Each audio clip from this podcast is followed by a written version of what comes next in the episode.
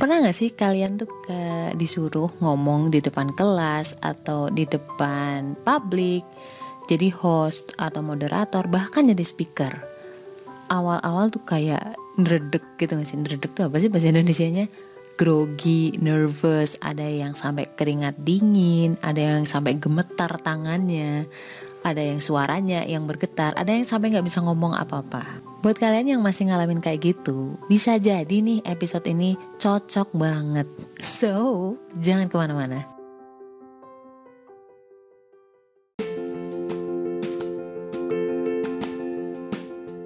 Assalamualaikum warahmatullahi wabarakatuh Hai, ini Ria, kamu lagi ada di podcast Self Healing Podcastmu yang sedang belajar berdamai dengan luka, melalui psikologi Islam.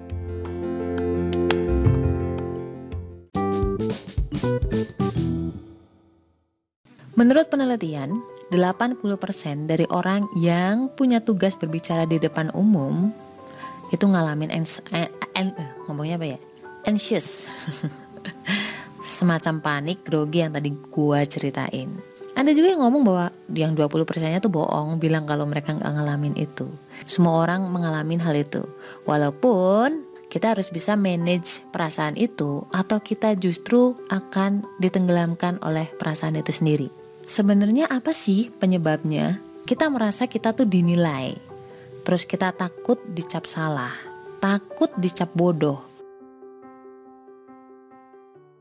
Atau takut ditolak akar dari kepanikan public speaking ya mostly karena itu kalau misalkan ditarik akarnya gitu ya intinya tuh lebih ke takut nggak diterima wajar gak sih wajar banget karena secara psikologis wajar loh manusia merasa terancam ketika ditolak Manusia secara naluriah akan menjauhkan diri dari segala sesuatu yang membuatnya tidak nyaman, membuat dia ngerasa nggak aman, membuat dia tertekan. Itu wajar banget.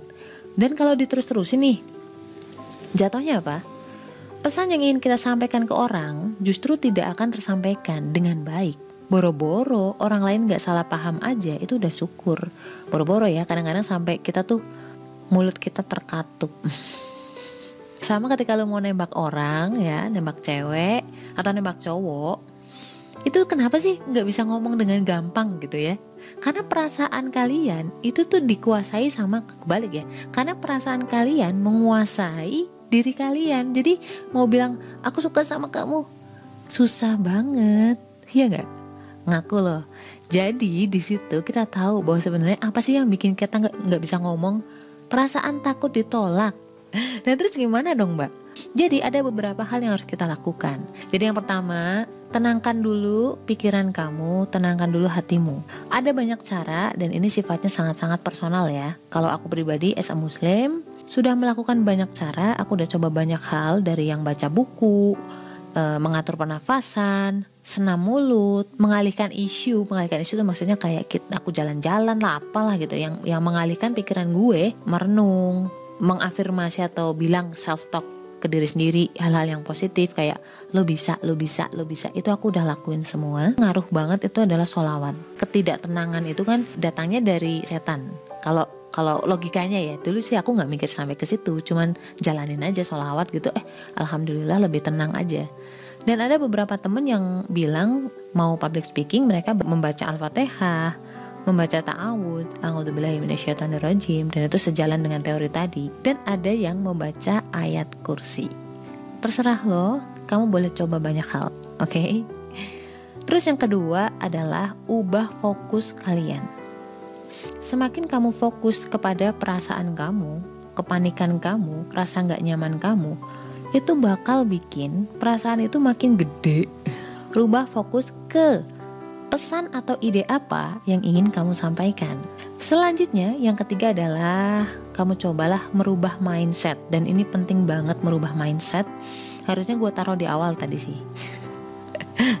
Apanya sih yang harus dirubah? Yang pertama, ubah mindset tentang salah dan benar. Kita terbiasa banget dididik di Indonesia terutama itu salah dan benar. Oh kamu salah, oh kamu benar gitu. kita takut banget ngelakuin kesalahan. Kalau eksak memang satu tambah satu ya harus dua. Ketika lo ngejawab tiga, maka itu jadi salah. Tapi dalam ilmu komunikasi nggak ada yang namanya salah dan juga benar. Yang ada hanyalah perbedaan style dalam berkomunikasi. Dan mindset yang harus kamu rubah juga adalah kamu nggak harus jadi orang lain yang menurut kamu sempurna. Let's say ya, kamu nggak harus jadi Najwa Shihab atau menjadi orang lain untuk uh, menjadi sempurna. No. Karena apa? Kesempurnaan itu adalah mitos. Jadi sebenarnya nggak ada yang namanya sempurna dan sosok yang sempurna tuh nggak ada. Yang ada adalah menjadi dirimu sendiri yang unik. Karena nggak ada dua orang yang sama di dunia ini. Just be yourself. Ketahui kekuatan kamu dan kelemahan kamu, optimalkan kekuatan kamu dan manage kekurangan-kekurangan kamu. Mindset yang selanjutnya adalah it's okay to be judged. Orang berhak kok berlaku seperti apa pun termasuk menilai kita. Itu udah nggak mungkin enggak gitu. Manusia pasti akan menilai orang lain. Itu udah otomatis naluri ya. Tapi kita punya hak untuk menghargai diri kita menghargai diri kita apa adanya menghargai bahwa kita tuh sedang belajar namanya belajar salah itu wajar oke okay?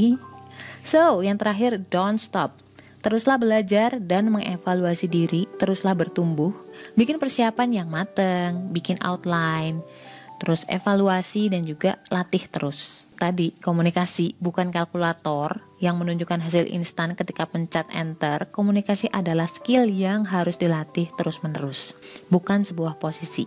Sekarang lo mungkin lancar dalam public speaking, itu bukan berarti selamanya kamu akan terus seperti itu, harus tetap dilatih. Dan yang paling utama, adalah berdoa agar Allah selalu melancarkan lisan kita dan membuat orang lain paham maksud kita. Episode awal ketika aku nge-podcast ya ampun malu-maluin banget. But it's okay karena dulu aku berpikirnya fokusku adalah uh, belajar untuk healing dulu, memenuhi kebutuhan untuk berbagi. Apa pun masalahnya, ingat jangan lupa pikul sendiri, ada Allah. Stay love and assalamualaikum warahmatullahi wabarakatuh.